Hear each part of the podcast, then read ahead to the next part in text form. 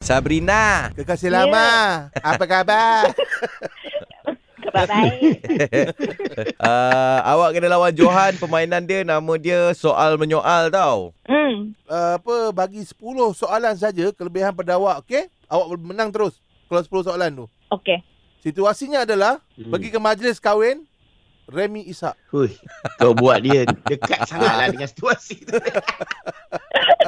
Kenapa topik macam ni? Tahu pula kasih awak Supaya happy awak sikit. awak senang nak, nak adapt. Uh-uh. Okey, lepas punya loceng, uh, Sabrina akan mulakan dulu.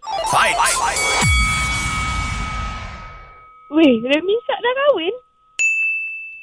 Mana kau tahu? Dia kahwin dengan siapa? Ha, okay. Eh, kau tak tahu ke? Ah, Habis kau pun tahu. Ha. Ha. kau tak baca berita? Bila berita ni keluar? Ah. Baik, Ah. baik. Kau ada baca media sosial tak? Media sosial yang mana? Ha. Ah. Kau ke yang frust tu?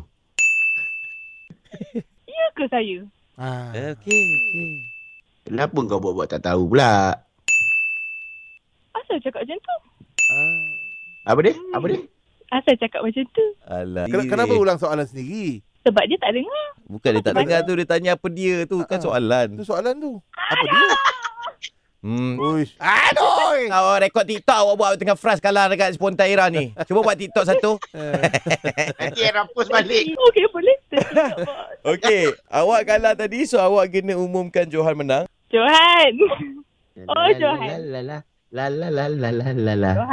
Eh, eh. Ni, awek mana yang panggil aku tu ni? Sabrina, kekasih lama. Oh, Sabrina kasih lama. Ah. You win. Thank you.